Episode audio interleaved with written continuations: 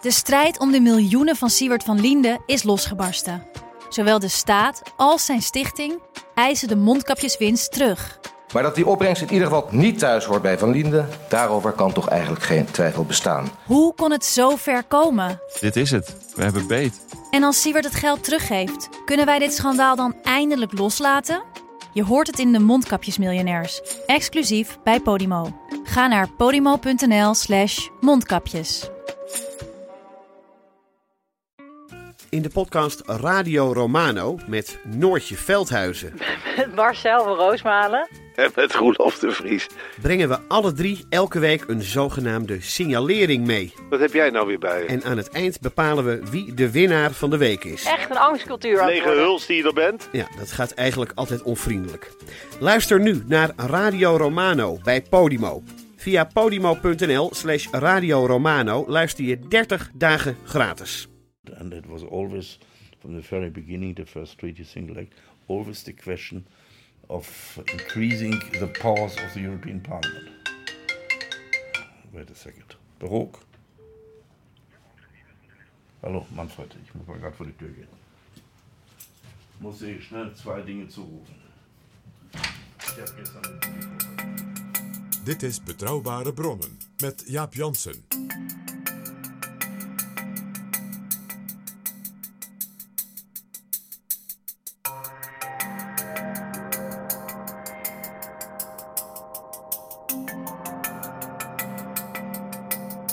Hallo, welkom in Betrouwbare Bronnen, aflevering 42. In deze aflevering richten we onze blik weer op Europa. Pal na de Europese top van regeringsleiders, die nog geen witte rook gaf over de nieuwe president van de Europese Commissie, de president van de Europese Raad, de president van de Europese Centrale Bank en andere topfuncties. Straks praat ik met Sylvester Eifinger, hoogleraar financiële economie aan Tilburg University. Hij was deze week in Sintra in Portugal op het zeer exclusieve jaarlijkse seminar van de ECB, waar bankpresident Mario Draghi voor de laatste keer in zijn ambtstermijn zijn gasten welkom heette. Slechts twee Nederlanders hadden het voorrecht erbij te mogen zijn: Nationale bankpresident Klaas Knot en Sylvester Eifinger. Hij vertelt wat hij hoorde over de actuele stand van de eurozone en over de opvolging van Mario Draghi. Draghi liet in Sintra weten dat de rente in de eurozone misschien nog wat verder verlaagd wordt. Dat is opmerkelijk, want die rente zit al onder nul. Eifinger legt uit wat Draghi hiermee bedoelde en waarom Donald Trump meteen furieus reageerde. Het was eigenlijk whatever it takes part 2. Zo zou ik het eigenlijk willen noemen.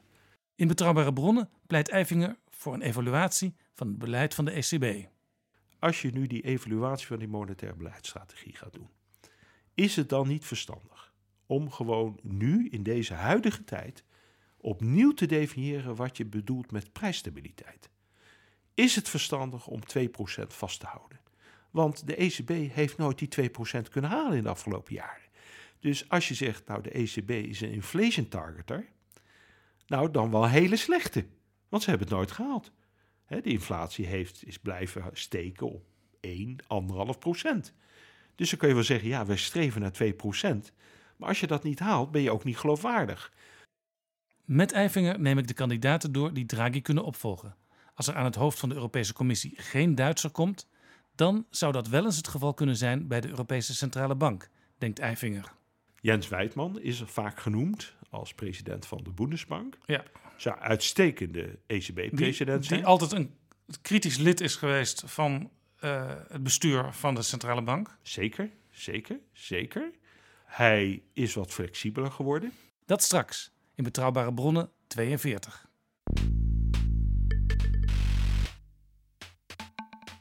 Nu eerst een buitengewoon interessant gesprek met het langstdienende Europarlementariër die na bijna 40 jaar het parlement verlaat. PG noemde hem in Betrouwbare Bronnen aflevering 37 een Urgestein, de Duitse CDU-politicus Elmar Brok. Iedereen in de Europese politiek kent hem en hij heeft het telefoonnummer van elke sleutelfiguur. Bondskanselier Helmut Kohl en later Bundeskanzlerin Angela Merkel zochten zijn raad en zijn politiek vernuft permanent. Elmar Brok is een iconische politicus.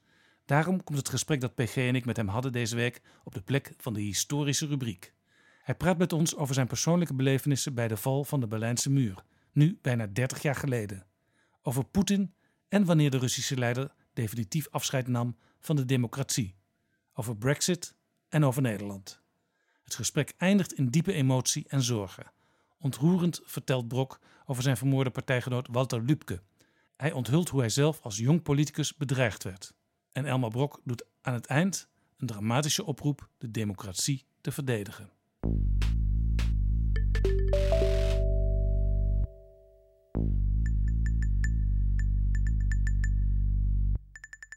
Jaap Jansen en Pieter Gerrit Kroeger duiken in de politieke geschiedenis. We're going to talk with Elmar Brok, leaving the European Parliament after 39 years. He's the last man standing of the first generation of direct elected MEPs. Welcome to Reliable Sources, Elmar Brok. Partir, c'est mourir un peu? I'm. Thank you very much for inviting me, and I'm happy that I can leave because then I have a chance to come to normal life. There must be life before death. You are now 73 years old. You're young in spirit. Konrad Adenauer was 73 when he said to the board of the CDU, I asked, I talked with my doctor and my children, and they said, well, two years you can do chancellor. And as you know, he stayed 14 years. What are you going to do from 73 now? Look, I'm just re-elected in the National Party Board, in the EPP board. I'm deputy chairman of the uh, World Organization of Christian Democratic Parties. So there's still something to do, and I will write more, will concentrate on issues which are important. They have not to be every morning 8 o'clock in working groups which do not interest me. Bundeskanzler Helmut Kohl once summarized your biography born, married, MEP. Look, that is a wonderful intervention by a journalist of the Spiegel, uh, but uh, I like it. I have started to like it because everyone believes it's true, and they have forgotten my some professional parts, especially I have uh, forgotten my wonderful football play. Because you were a footballer at first, in your in your younger years. In younger years, I played football, but I'm still a footballer. Uh, and uh, I'm a member of a club which has always close uh, Dutch relationship, Schalke 04, Ah. Huub Stevens. Okay. So, so this is something you share with both Martin Schulz and Gerhard Schröder, being a, a real soccer man. Yeah, I played myself relatively good, but half a century ago. And that's the way you played football also say something about the way you play politics?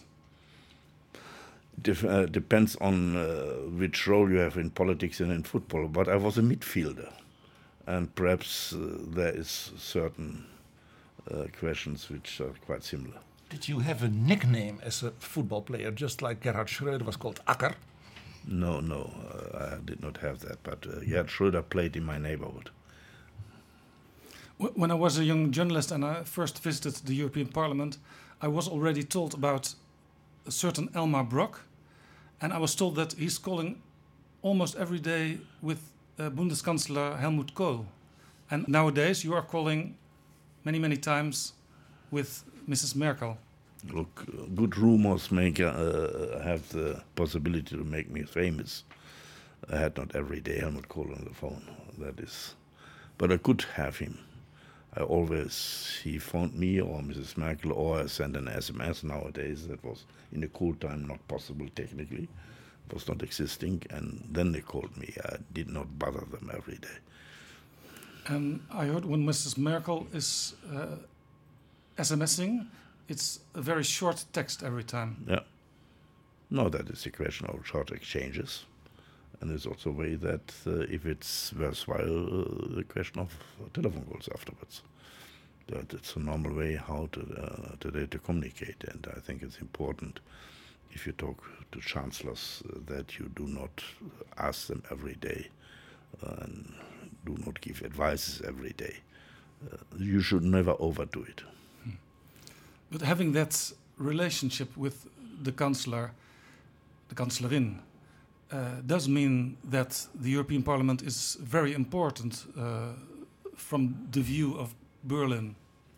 The European Parliament is very much important. 70% of the economic laws of Germany are done in Brussels. And uh, therefore, also in foreign policy and other questions, for Germany always uh, important. Since Konrad Adenauer, since the war, Europe is important for us. And uh, we know that we can only play as a role in Europe via uh, in the world via Europe. Every European country is too small to play a role, and we were lucky in Germany that we had with Adenauer, Kohl, and Merkel chancellors, but also Willy Brandt and Schmidt in a certain way, that they have more or less understood it. Uh, that this is Germany only in a good shape if it's a part of a prosperous Europe. That's not always the way uh, the politicians in The Hague understand it. They think, well, the European Parliament it exists, but okay. It might be so, and especially uh, in the last uh, 10 years or so, it's the case. Uh, but if you see now what the European Parliament can do, there's no law possible against the European Parliament. There's no treaty with international powers possible without the European Parliament. There's no Commission President. The Hague has now to find out possible without European Parliament. And therefore, it's worthwhile to talk to the European Parliament, whether you like it or like it not. Uh, but uh, the European Parliament is closing the democratic gap which we need, yeah. and to have more transparency, to come closer to the people, and have not just governments who sit behind closed doors and windows. Yeah. When, when you started um, in 1980, you were a young man. Now you are 73 years old. In the 1980s, a Dutch expression said: "Stuur je opa naar Europa." That meant. I know. Schick dein. Uh, that is. Uh, opa nach Europa. That was a question I invented myself. It was invented in Germany by Reinhold Bocklet and myself, as we fought 79 for our seats in the European Parliament. We had also a second part of that which we never published. Und liegt sie auch im Koma, neben dem auch die Oma. but because of questions of. never said it publicly at the time. But that's the way how things are. If you look back, uh, what was the turning point? When did the European Parliament really did become important? From the first day on. Because it was directly elected, it changed the environment. You have to read Jacques Delors' memoirs when he said that at his time as Commission President, he used the Parliament as the basis to come up with his proposals. Uh, it was the European Parliament which has set up in the beginning of the 80s a committee uh, uh, about the future internal market and where the ideas came from. Also, at that time, as it started, Jacques Delors was chairman of the Economic Committee of the European Parliament as it was started, and I was deputy member of that committee. And from that, the ideas came to set up the Intergovernmental Conference uh, for the Single Act, which was the basis for that. So that the reason for the European Parliament was at the time of Eurosclerose, as it was said in that time, that uh, Schmidt and Giscard said, let's elect directly a parliament to get a new momentum. That worked out. And then we had the luck that from 82 on, uh, we had three personalities. First, two personalities, later, with the third one, who corroborated in a credible way Mitterrand, Delors, Kohl. The three persons made the historical steps for monetary union, for internal market, and also for the unification of Europe and Germany. So those three men are the most important European persons of the last 40 years. For sure, there are also others in certain periods, but this power they had for the internal market, Margaret Thatcher was important. She was very positive. It came from Britain. Uh, it was always Jean-Claude Juncker there. He uh, was always there. It was always there. Like you. Yeah, we are friends before we went to government or to parliament. We know each other since 78 or and now you both live together. Yeah. But he's a young boy. He's a young boy, yeah. Ten years younger than me. But uh, And therefore, for certain steps, were always important people. Nicht? But I think this group of the three was a decisive point. It was the power center uh, which came up with the proposals. Yes. Came up with the proposals. Do- does Europe have a, a Dreigestirn, three people like that now? Look, it's always the question of personalities, the question of situations, but also I think it's nowadays more difficult. At that time, it were nine or then later 12 member countries. Now it's 28. Uh, to create such a situation is much more problematic. And that was starting from a point which was not very high. The European Union was just a customs union, no more, and not really functioning. To make it the internal market with a monetary union, then begin of foreign policy with the Maastricht Treaty, which was a French condition for German unification. And all that was is the question of development, and it was always, from the very beginning, the first treaty single act, always the question of increasing the powers of the European Parliament. Wait a second. Barock. Hallo, Manfred, ich muss mal gerade vor die Tür gehen. Muss ich schnell zwei Dinge zurufen. Ich habe gestern mit Bütikofer geredet. Een interessant moment dat illustreert hoe groot de invloed van Brok nog is. Hij wordt tijdens ons gesprek gebeld door fractievoorzitter Manfred Weber, de kandidaat van de Christen-Democraten om Jean-Claude Juncker op te volgen als president van de Europese Commissie. Als hij de gang oploopt om even vrijuit te kunnen spreken, vertelt hij hem dat hij over de verdeling van de topfuncties heeft gesproken met een topman van de Duitse Grünen, die in de groene eurofractie de baas zijn. Das war der Fraktionsvorsitzende. Ah ja. Und wir sind in der Verhandlung. Ja, ja, steht. Mach, mach da noch so ein bisschen. Ja, ja. So we talked about how the European Parliament has become very important. Nowadays, all the presidents and prime ministers are coming to speak in the European Parliament. In February, our prime minister Mark Rutte was in the Parliament, and we saw a more pro-European Mark Rutte than we knew him. Did you also listen to him in that way? Yeah, I had several encounters with him in the past. And I was always unhappy, not just about Mark Rutte, but also about my CDA there, that uh, the classical pro European country, the Netherlands, was walking to the right and believed that with this method they should keep down Wilders in these groups. Because you were shocked about working together with Wilders in the government. That also, but also that these parties delivered such speeches. I was uh, in committees in uh, the Tweede Kammer and had discussions there. And uh, I was, oh my God, it sounded in this debate uh, as I was in enemy country. But European philosophers. That's very scary. Very scaring it was, and I have now the feeling that the Netherlands is for going back a little bit more, more to the center. It's my feeling, and uh, I think uh, that this work is done now in such a way that the populist parties uh, do not play the role some people believed a year ago they would play. So Yeah. therefore, I see a quite positive development. Yeah. Nevertheless, nevertheless, uh, the Dutch Parliament voted for a re- resolution a few weeks ago, uh, calling the Prime Minister to do his utmost to get rid of the sentence "an ever closer union" in the treaty. So, what does it mean? They should read the treaty. They should read, for example, what is written in this agreement with Britain, as Cameron was here. An ever closer union means that in certain questions we work closer together, where we have to work closer together. For example, in foreign security policy. For example, uh, in the question of migration.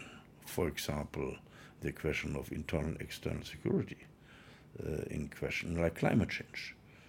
That, Banking. that does it mean? Banking. Banking, for example. And do that in a way in institutions that democracy plays a role, the role of the parliament. That we understand under ever closer union. So it's a very important sentence. Yeah. But it means also in a type of federal state with the European Union would be state is wrong, federal organization. Uh, as I've written already some years ago, the European Union is not a federal state, but it works where it has competences with the method of a federal state. But it's true, we have a two-chamber system, we have a court, uh, we have a commission as starting point of a executive branch, and that is the classic organization of a federal state.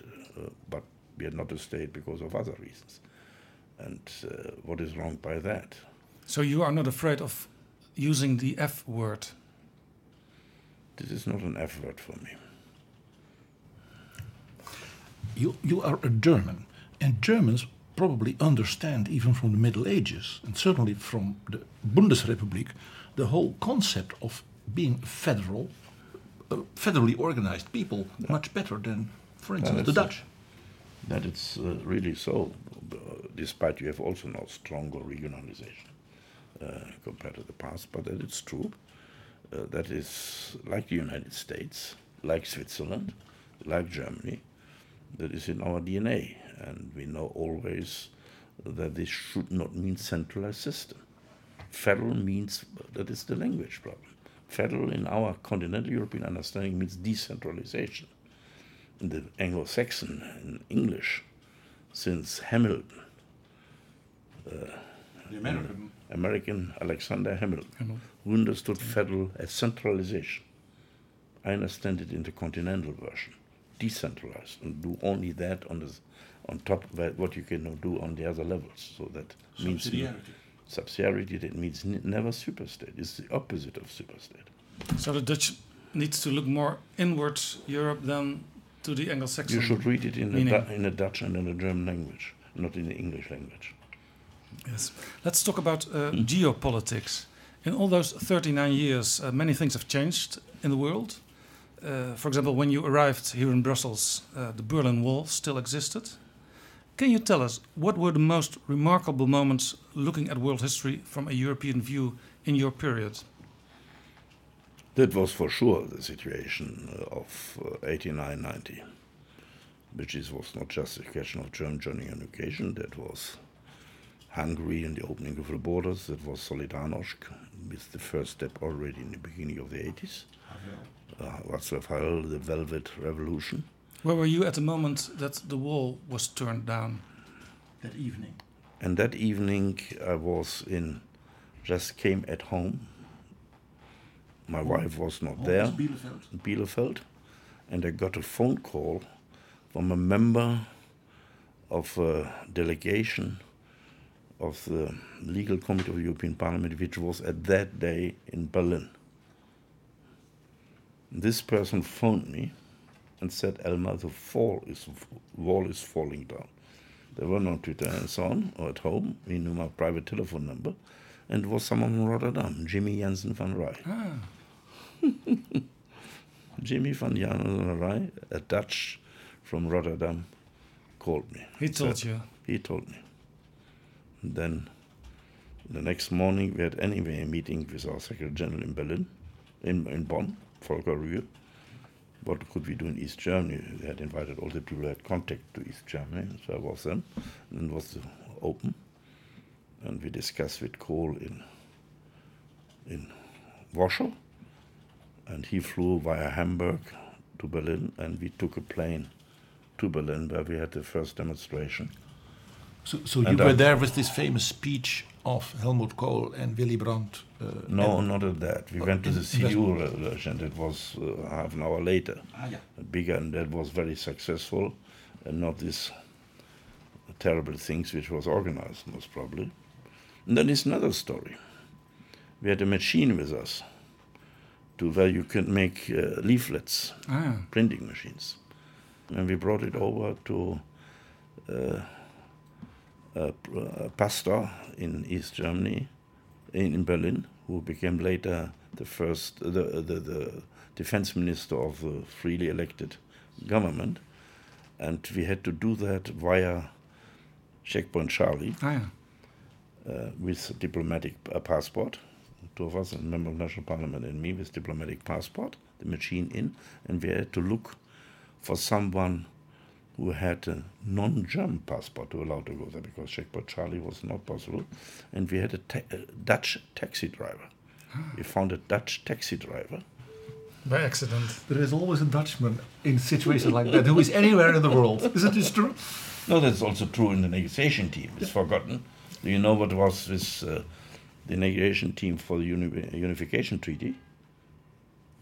it's very much forgotten. You have a famous man, an important man in your country. The Schäuble team, which negotiated the uh, treaty, consisted of a Dutchman, Who was it? uh, Carlo Trojan. Ah, Carlo Trojan. Jacques Delors said, take someone from the Commission in that you do not make mistakes, because 40% of the Unification Treaty had also to do with European law. Mm. Not to lose time, no, no, making. Huh? So the full member was Carlo Trojan, who was later Secretary General of the, of the Commission, was member of the West German delegation to the negotiation with the Israeli government. That is not very known. We should talk to him Yeah. for So, our podcast. so Yeah, at that moment, it's you- Carlo Trojan. at that moment, European law already was very important. Yeah, for sure. The whole internal market situation was already decided. Many other questions, customs union. Forty percent of the issues for that had also implications for European law, because at the same time it was a fast track enlargement of the European Union. It was not for 10, 15 years confederation as Yeah. Kohl originally Yeah. was proposing. It was a fast track enlargement of the European Union. So the uh, Eu- European Union was enlarged via East Germany in a few months. Some people nowadays say the enlargement got too fast. I don't think you agree. No, no, that is the German enlargement. They're talking about a different thing. Oh, I, I mean the European enlargement that followed afterwards. Uh, that follows the first was 14 years later. ah, okay. The uh, other countries came the first Hungary. But nevertheless, some people say it was too quick. Yeah. But then we'll have lost momentum. The European Union is about for peace and stability in Europe, and uh, that we have this transformation there, and it worked with all the countries quite well. That you have no problems in Hungary, for example. You had also problems with Wilders in the Netherlands. It's not just an Hungarian or Polish problem. Yeah. Uh, and uh, this we have in all our countries, AFD in Germany too. Uh, but uh, the only question where the really problems were is Romania and Bulgaria, which came 17. So 17 years later. So Not very quick. is, what was the choice? To keep these countries 25 years out? The whole global strategic situation would have changed. So it's a necessity. Yeah. It was the, the, the unification of Germany and of and of whole of Europe was not in our plans as an, an active part of policy. It was our dream, but uh, I did not think uh, uh, in 1980, as I became member of European Parliament, that 10 years later it would happen. Was out of consideration.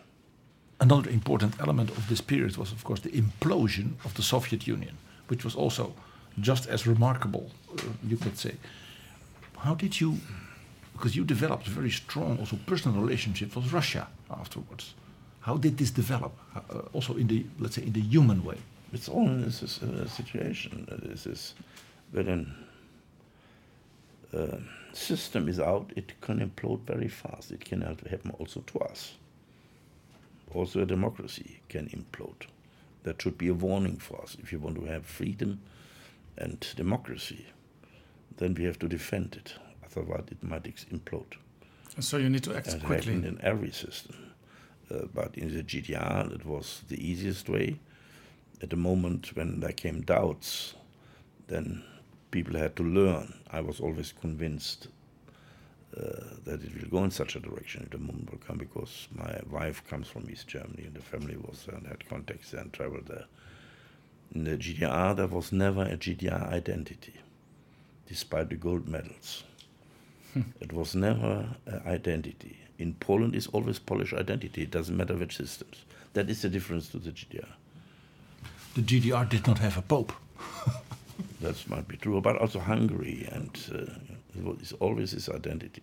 East Germany had never an own GDR identity, and uh, therefore was this implosion very fast and thankful or peaceful. In Poland was a long fight because it was a different situation. Uh, but uh, and in Russia, uh, these movements went to the Baltic states. These movements went to Ukraine and others wanted to be free. And uh, Yeltsin made this final decision uh, to concentrate on Russia as such, to modernize it. So in that way, you are grateful to Yeltsin. I'm more, that was, no, the, the decision for the uh, unification of Europe was before. That was Gorbachev. Yeltsin was the follow-up. And uh, after 91, 92, when it was, uh, that was Gorbachev. Uh, he was not happy about German unification, but he saw the inevitable. It was this close relationship between Kohl and Gorbachev. They trusted each other. And he had decided in these difficult moments about around the 9th and 10th of November, on the 10th in the evening, I was on the wall before the Brandenburg Gate. And, uh, and uh, then again, uh, uh, a little bit uh, January 90, where was a very difficult situation to keep the troops in the barracks. Yeah. That was his decision to keep the troops in the barracks against the will of some of the advisors, like Mr. Farlin. And uh, that could have happened also the other way around. So this is a very important example of personal relationship and their importance between Very Mr. Kohl and. Mr. Gorbachev. It was a decisive meeting in summer 89 in Berlin between Kohl and Gorbachev, who had problems before they knew each other. And a late evening bottle of wine. The two of them went through the gardens to the River Rhine. They were sitting there on a wall looking to the Rhine. The In bottle Bonn, of in Bonn. wine in Bonn, Yeah. the Chancellery Garden, and discussed for hours the future. And uh, Kohl said, look to, down to the River Rhine. He repeated it later very often. And American senator I was with him and so on. Look here, the River Rhine. We can do what we want. We will never stop him. He will run and run. The same is with German unification. At the end of the day, you cannot stop it. And uh, then he had said also, you can rely on me if you will have problems with your economic questions. And we will do for you to help you. It was June, June or July 89, as nobody thought about fall of the wall. And uh, then Gorbachev called German Chancellor via Telchik, when and was whether Germany would be able to deliver in a short notice uh, a lot of meat and soap. And in the same evening, the Chancellery stopped every, uh, how you call it, this uh, beef houses, frozen beefs, Yeah. in all over Europe. Yeah. Stopped it, bought it, and sent it there. We believe today, it was co- coincident that that day, in the Chancellery learned it, uh, that uh, that that- I think that was Gorbachev's test that I call give it his promises. It was proof. That Very was his proof. Let's ask them, will they do it?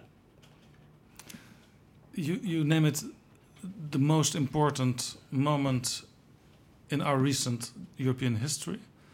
When you look f- from that moment to this moment with Vladimir Putin in charge in Russia, what do you think? It uh, developed with Yeltsin quite well in the beginning, also with Putin, but Putin later changed. Why? I think, first of all, he was not convinced anymore that a the transparent and democratic uh, Russia uh, would support him. It was 2012, these demonstrations after his after his time as prime minister became again uh, president. It was a total change in policy and behavior. And then he saw that against the young people he could not keep the Putin system and develop it further in. And then came the Maidan, I think the most important part why he you know, tried to intervene there. He saw in these hundreds of thousands of young people the hope for Europe, freedom, rule of law, and they saw in these young Hungarian faces the young Russian faces. If you would allow that, then he had to allow his own people. I think that is for his heart uh, the main reason for that what happened. So there was a moment he decided to s- try to stay in power, whatever it Yeah. takes. Yeah, that was already taken, I think, after this demonstration in 2012. And then two years later, Ukraine gave Yeah, him sort of a came back. fright. Yeah. A free, democratic, successful Ukraine destroys the whole Putin system. As a concept. Yeah. Not, not physically, but No, no. So that's also the reason to stay with Ukraine nowadays, at the moment. Yeah, that is our best weapon. If you develop a Ukraine in a positive way, it is incredible progress there. Not enough, but incredible progress. Compared to that, I know Ukraine now 20 years or longer, and I see the development, which is has to become much better, and I have a good hope that it will become better, not even now. Uh, that is the disaster, and therefore does not want to go out. And all these reforms were done despite Russia, with its own troops, is doing war in East Ukraine. Could you imagine how the development of the Netherlands would be in the la- would have been the last five years, uh, four years, if at the same time there would be war for foreign power in Limburg? Yeah, yeah. No, there's this pressure, active war, daily dying people.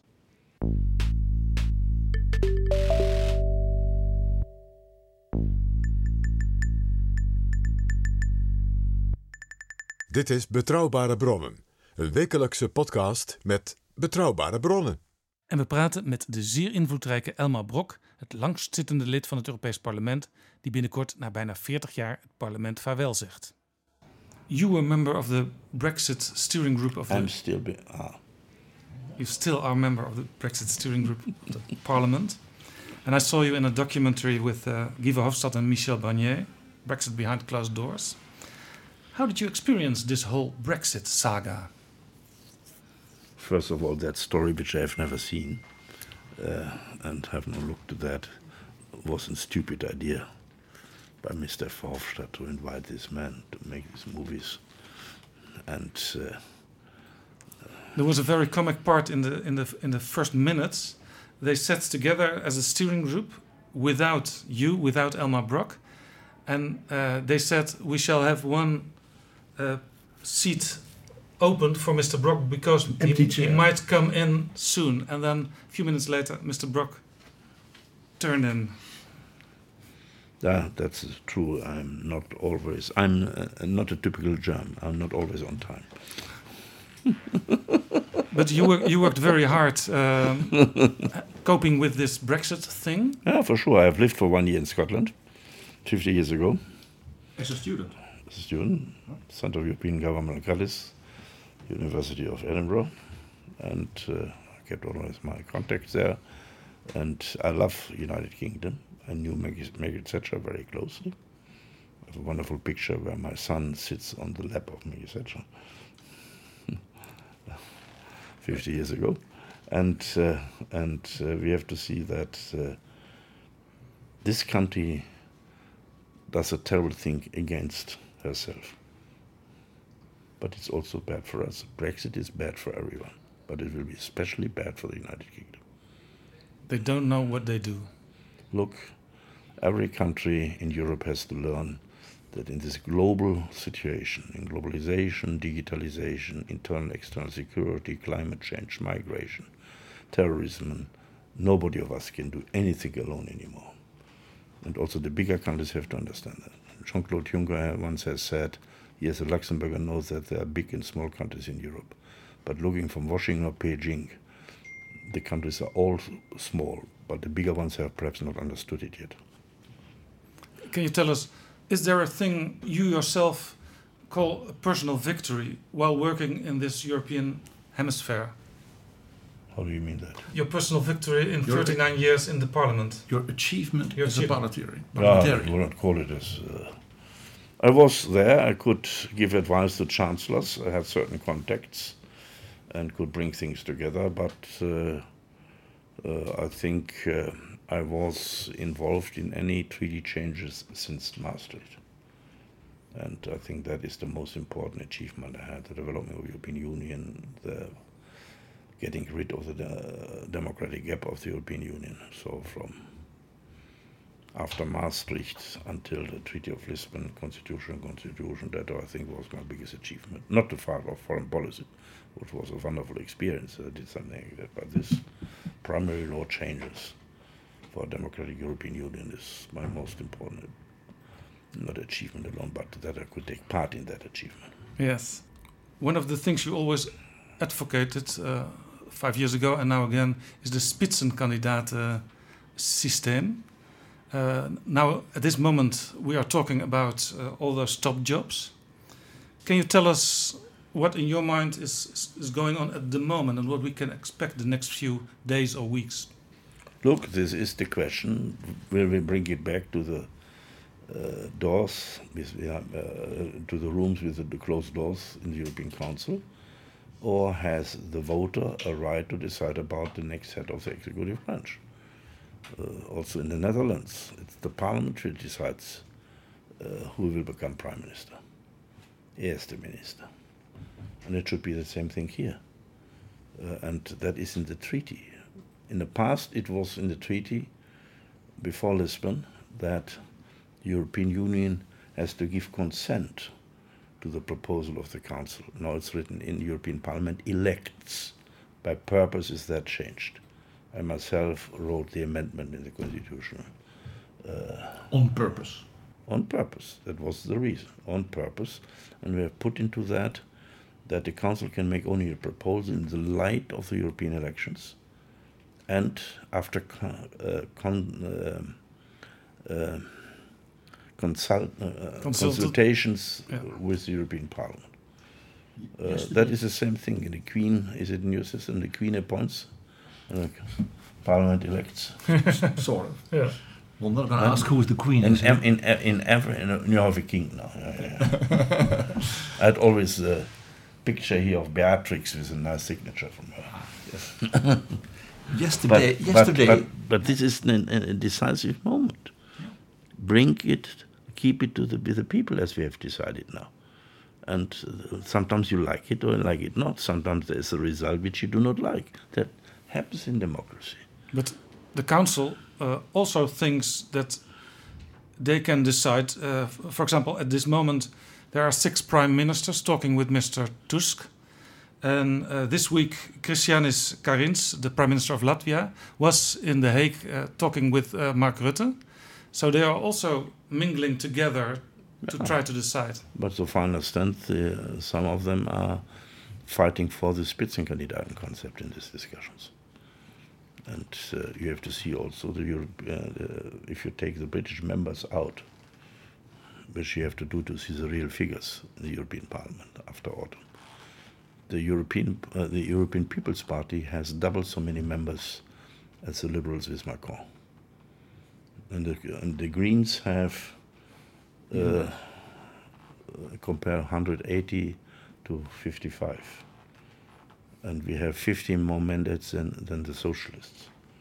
It should be taken into consideration in a democratic uh, uh, world. So it's. Hmm? it's still the case that Manfred Weber is the, the, the most qualified person given the elections to he's, have the chair. He's the democratically most qualified person. That is the decisive point in democracy. And do you think he will be the one in the end? I do not know. It's a really battle about the future, about constitutional reality we have to build on the basis of the treaty that the people have a say. Will the people have a say in campaigns? Will candidates produce their programs to the people that the people can judge? Or do we give it to some elderly people who are sitting in a council together? All the Christian Democratic MEPs are talking with the Social Democrats, the Greens, yeah. the Liberals, yeah. to to have a kind of uh, yeah. formation for the next five years formation for the five years, also where we have uh, uh, common point of views uh, in contents, environmental policy, foreign policy, and so on. uh, there is, is negotiated in these moments in working groups, and uh, this is not a detailed coalition program because it's not a permanent government in that sense, but a certain understanding.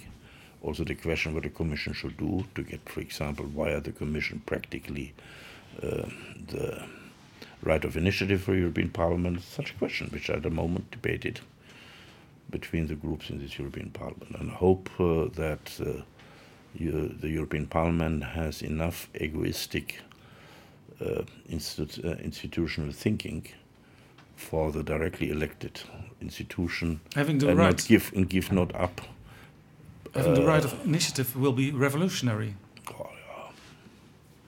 look, uh, the right of initiative, when it's taken in parliaments. In Germany, in the last period of the national parliament, it was, was used once in four years. No law in detail can any done, in, within the parliament alone. Can you tell me when, in practical sense, the Tweede Kammer has used the right of initiative to prepare law? Look into that. But nevertheless, it should be the possibility uh, that uh, something can be done. And uh, this, with the candidate uh, Weber, we would get such a thing. And someone who is not for the parliament, like Mrs. Vestager, who has said the parliament has nothing to do with this whole process, is not a reliable candidate for such developments. Did you know Mr. Walter Lübke? Yeah. I, I was thinking you, he is from your generation, also a bit from your No, background. no, he lived not far away. Kassel is the direct neighborhood. And I delivered uh, four, six weeks ago in speech in Kassel. And he came to listen to my speech. What is your memory of him? I was not so deep with him, uh, never cooperated because here is the other land, Hessen. It was on that level, but he was, uh, so I found it a very friendly but still convinced man. What he said in a moment of migration, which brought him there, the hate of the right wing people. Look, uh, if hatred uh, what we see nowadays uh, in the new media becomes a normal thing in certain people. And then it comes to practice. This, I think, is the danger for every democracy. This is the danger will good people go to politics and take the risk. This is a situation that perhaps you do not say certain things because you are afraid. Uh, and uh, I was once through that. That was in the time of the RAF left wing, and I got also at that time already personal threats that they want to uh, kidnap my children. Message from the police.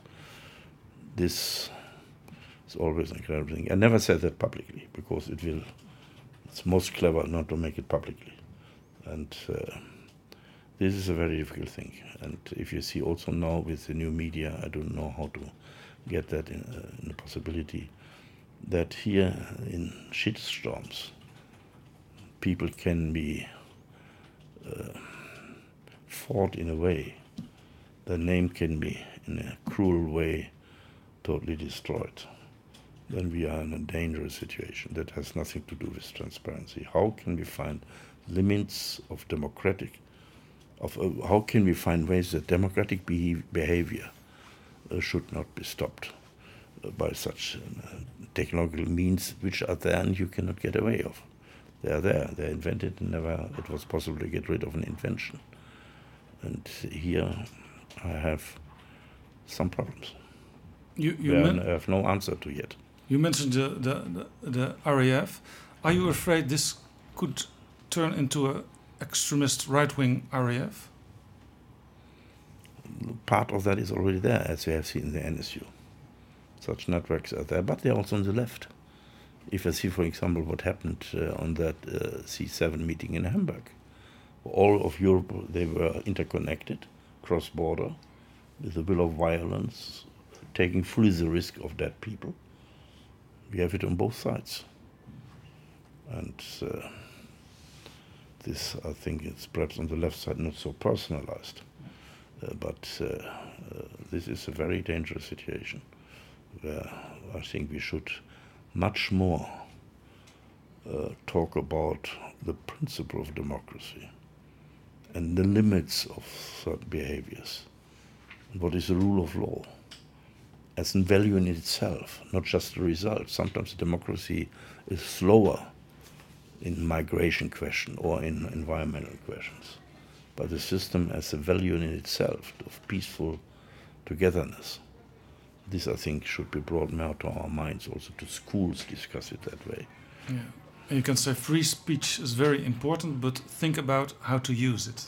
Yeah, it means that you cannot attack other people in a way that they are, destroy the personalities or make it even possible that it's a good deed. If you're saying at the moment in these discussions, it's survival or not if you do not follow certain environmental proposals, then someone who stops what is so called uh, uh, without alternative, then people start to think people who are against that should be eliminated.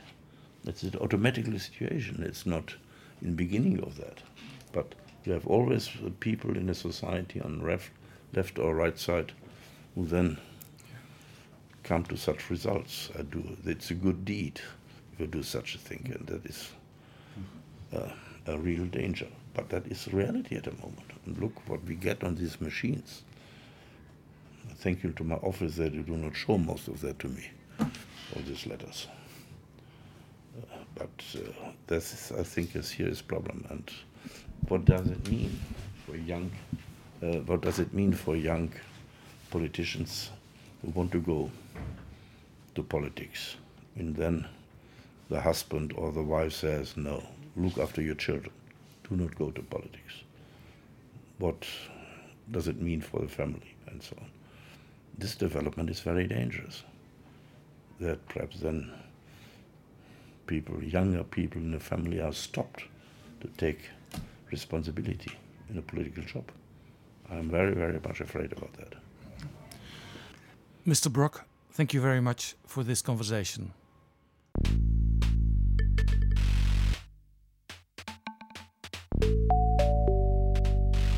Dit is Jaap Jansen met Betrouwbare Bronnen. Ik ga praten met Sylvester Eifinger, hoogleraar financiële economie aan Tilburg University. In aflevering 29 van Betrouwbare Bronnen spraken we ook al met hem. Toen twee uur lang, nu wat korter, als een soort aanvulling op ons gesprek van toen.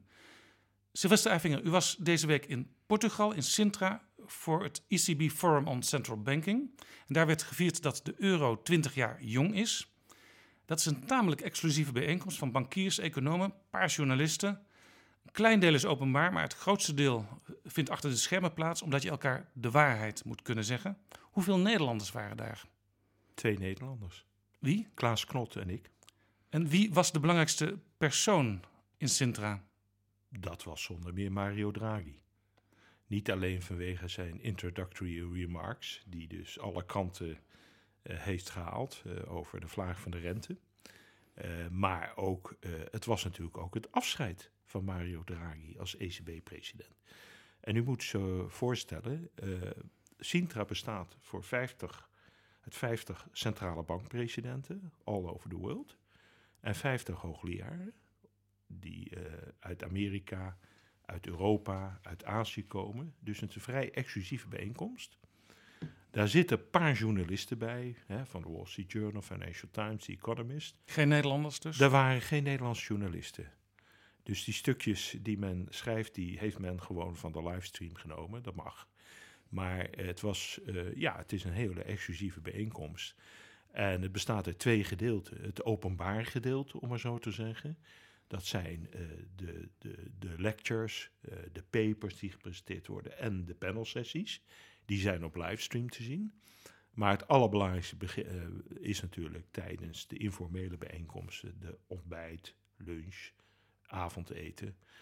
Ja, en daar zijn de Jackson Hole Rules van op toepassing. En, uh, ja, dat betekent, mag ik, u mag niet rechtstreeks citeren. Ik u mag, mag niemand citeren. Uw eigen indrukken geven. Nee. Nou, daar tappen we graag uh, van vandaag. Ja. Uh, laten we toch even beginnen met uh, wat er in het openbaar gedeelte aan de orde was. Draghi kwam inderdaad meteen in het nieuws door wat hij daar zei. Hij liet doorschemeren dat de rente in de eurozone nog lager kan.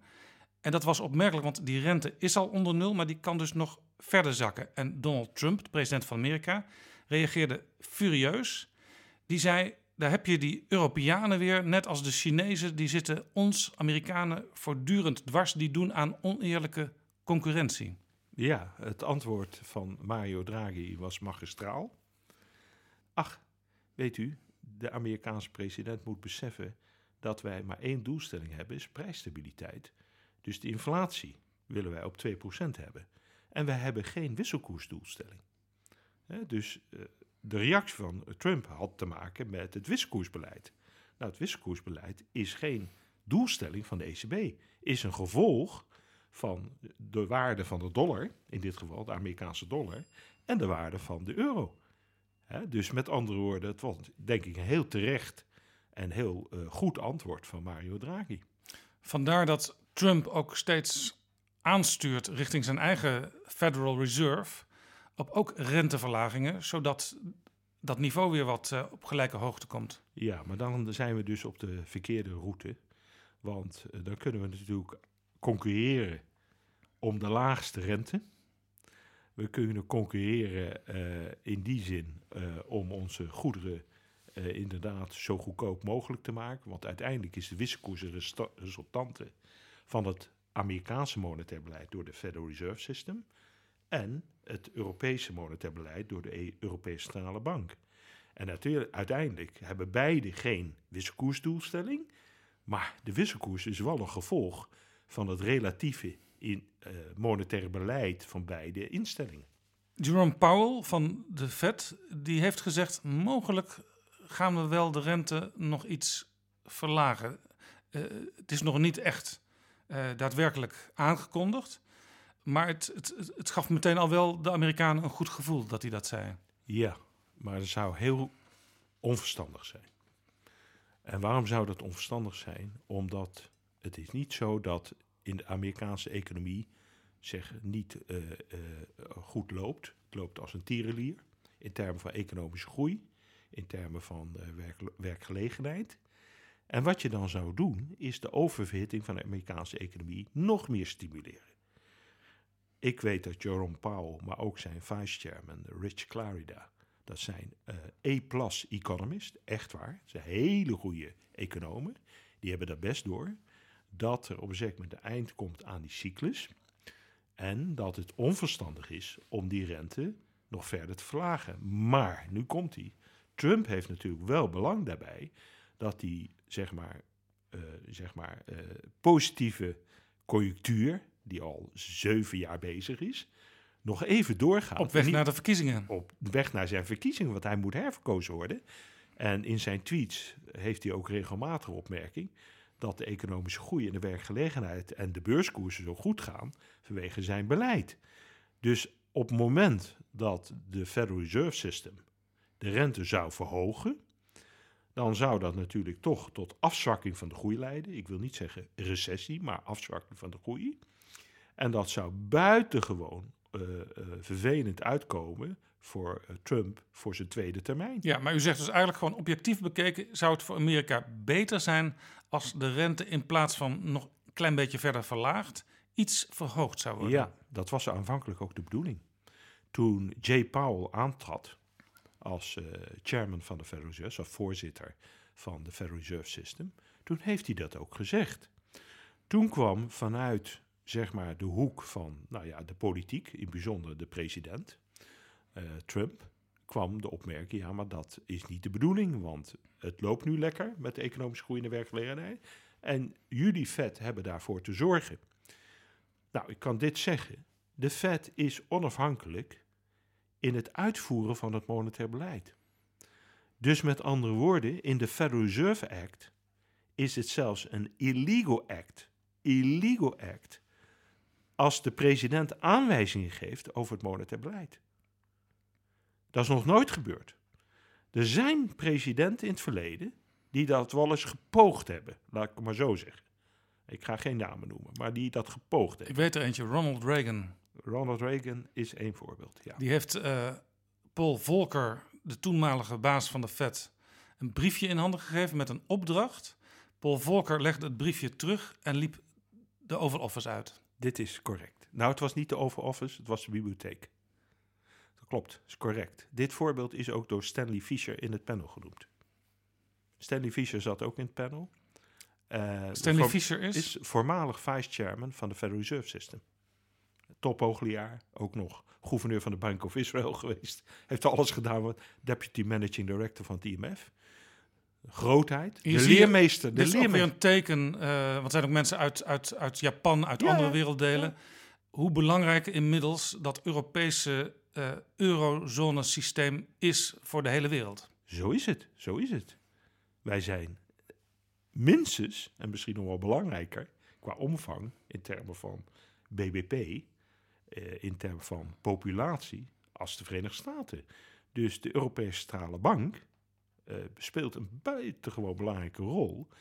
En uiteindelijk is het zo dat dit voorbe- voorbeeld is goed, is correct. Eh, maar er zijn natuurlijk achter de schermen wel vaker pogingen door presidenten gedaan om het beleid van de Federal Reserve eh, te beïnvloeden. Alleen in deze mate zoals president Trump dat heeft gedaan, is nog nooit eerder voorgekomen. In Europa zie je dat eh, leiders zich veel meer dan, dan Trump houden aan die regel dat een bank, een centrale bank die onafhankelijk is, dat je die niet moet willen beïnvloeden, zeker niet eh, in het openbaar. Maar toch, Draghi heeft dus deze week gezegd, ehm, ja, we zouden de rente misschien nog wel wat verder kunnen verlagen. De rente die dus al, de belangrijkste rente al onder nul is. Ja.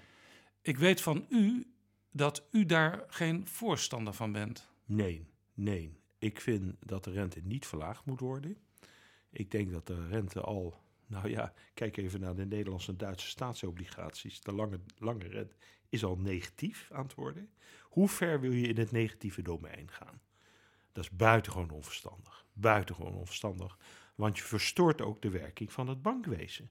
En aangezien het bankwezen het belangrijkste transmissiekanaal is van het monetair beleid, anders dan in de Verenigde Staten. In de Verenigde Staten wordt monetair beleid gevoerd via de markt, via de geldmarkt en de kapitaalmarkten, de financiële markten.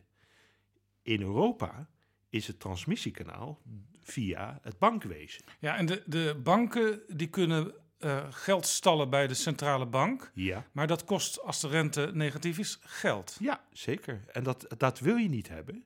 Je wil ook geen negatieve sparend hebben. Dat verstoort het financiële systeem. Dus men is zich daar zeer van bewust dat men dat niet moet doen. Kijk, wat, wat anders is. En waarom zegt Draghi dan toch, ik sluit het niet uit? Nou, Draghi sluit niet uit dat op een zeker moment men eh, inderdaad de periode van laag of nul rente nog lange tijd zal volhouden. Zo moet je het eigenlijk interpreteren. Dus Draghi beseft heel goed dat het niet verstandig is om in het negatieve domein te gaan. Nog voor de korte rente, de geldmarktrente, nog voor de lange rente. Kijk naar Duitsland en Nederland. Negatieve kapitaalmarktrente voor tienjaars uh, overheidsobligaties. Dat wil je niet. Maar wat wel de interpretatie van mij is, is dat Draghi zei: het was eigenlijk whatever it takes part 2. Zo zou ik het eigenlijk willen noemen. Hè? Even uh, recapituleren. Whatever it takes was de fameuze uitspraak van Mario Draghi, waarmee hij op het hoogtepunt van de, van de crisis in Europa de markten tot rust uh, maande en dat lukte ook. Ja, in de zomer hij, van 2012. Hij zei, wij doen alles wat Ja. nodig is Ja. om het financiële systeem uh, goed te houden. Ja, en uh, dat heeft uiteindelijk de eurozone gered. Dat moeten we echt concluderen. Dat verdient. Dat leiderschap heeft Mario Draghi getoond. Maar Dan toch hoor je vaak in, we hebben het er ook in uh, Betrouwbare Bronnen aflevering 29 al over Ja. gehad. Toch hoor je vaak hier in uh, Noord-Europa Ja. zeggen, ja, in feite door dat beleid wordt het zuiden, bijvoorbeeld een land wat er heel slecht aan toe is, zoals Italië, eh, geholpen. Ja. Maar het betekent ook dat allerlei slechte eh, leningen bijvoorbeeld in Italië overeind blijven. En misschien is dat wel helemaal geen goed idee. Nee, maar daarom zou ik het eigenlijk zo willen splitsen. Toen die uitspraak gebeurde van Mario Draghi in de zomer van 2012, gevolgd door OMT, moet ik even uitleggen. Outright Monetary Transactions. Dat is dus het opkoopprogramma voor staatsobligatie, maar wel conditioneel voor landen dat ze dus dat, dat gekoppeld wordt aan structurele hervormingen, bijvoorbeeld voor Italië. Ja, ik moet even ook nog even. Dit Ja. is een, een ingewikkeld moment, Ja. daarom heel kort. Maar er is natuurlijk het algemene beleid van eh, quantitative easing. Dat is niet conditioneel, Nee, dat, is, dat geldt algemeen. algemeen. En dit is een systeem wat inderdaad onder voorwaarden plaatsvindt. Ja. En dat is nooit toegepast. Het is wel goedgekeurd door het Europese Hof van Justitie. Sterker nog, gisteren heb ik eh, vernomen dat ook Jens Wijtman, de president van de Deutsche Bundesbank, inmiddels overtuigd is dat dit acceptabel is als instrument. Terwijl Jens Wijtman wel tegen de kwantitatieve verruiming is. Ja. Dus het onconditioneel opkopen van obligaties. Want OMT was eigenlijk de reactie op whatever takes. Alleen het is nooit toegepast. Ja, dus, dus we je kunt zeggen eh, dat OMT is een, ja, een meer, ja, het, het, het woord zegt al, voorwaardelijk systeem. Ja. Eh, dus eigenlijk ook een systeem waar je vanuit het noorden meer vrede mee zou kunnen hebben, omdat er eh, voorwaarden aan gekoppeld zijn waaraan landen zich moeten houden. Neem Italië. Als Italië, zeg maar, eh, geholpen zou zijn, is niet gebeurd, met het OMT-programma, dan had dat conditioneel gebeurd en dan had gewoon door een ESM of een trojka was daarheen gegaan en had gezegd, u zult dit en dit hervormen. Ja. U zult uw arbeidsmarkt hervormen. Enigszins vergelijkbaar met zoals de Grieken zijn aangepakt. Exact, exact, exact. En dat wouden de Italianen niet. Nou, dat begrijp ik. Dat was heel erg moeilijk voor de Italianen op dat moment te accepteren. Dus OMT is eigenlijk nooit toegepast.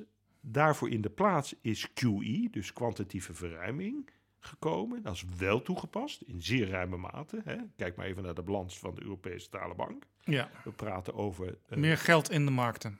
in wezen opkopen van staatsobligaties. Hè? Kwantitatieve verruiming wil zeggen, je koopt als centrale bank in de, zeg maar, van banken, dus het is indirect, koop je staatsobligaties. Je kunt zelfs bedrijfsobligaties kopen. Daarmee druk je de kapitaalmarktrente. Dus wat je krijgt is de rentecurve, die gaat veel vlakker lopen. Maar wat is het probleem van kwantitatieve verruiming? Eén, het is niet conditioneel. Dus er zijn geen voorwaarden aan verbonden. Dus Italië profiteert ervan. Allerlei zuidelijke landen profiteren ervan. Dus dat is heel moeilijk te accepteren natuurlijk voor de noordelijke landen. Ja. Dat is één. En twee, het betekent natuurlijk ook dat op een zeker moment de Europese Centrale Bank in de kapitaalmarkt opereert. Nou, en er is een gulden regel dat centrale banken altijd in de geldmarkt kunnen opereren, dus het korte eind van de rentecurve, maar niet in de kapitaalmarkt. Nee, dat is eigenlijk een verboden do- domein. Er werd ook opgemerkt toen dit systeem er kwam, van gaat de centrale bank eigenlijk zijn boekje niet te buiten. Ja, ja, zeker. OMT is dus door het Europese Hof eh, van Justitie is dat goedgekeurd. Weliswaar met de vreemde opmerking van de rechters dat eh, men wel mag interveneren in de secundaire markt, dus van banken, staatsobligaties, maar dat mag niet de prijs in de primaire markt beïnvloeden.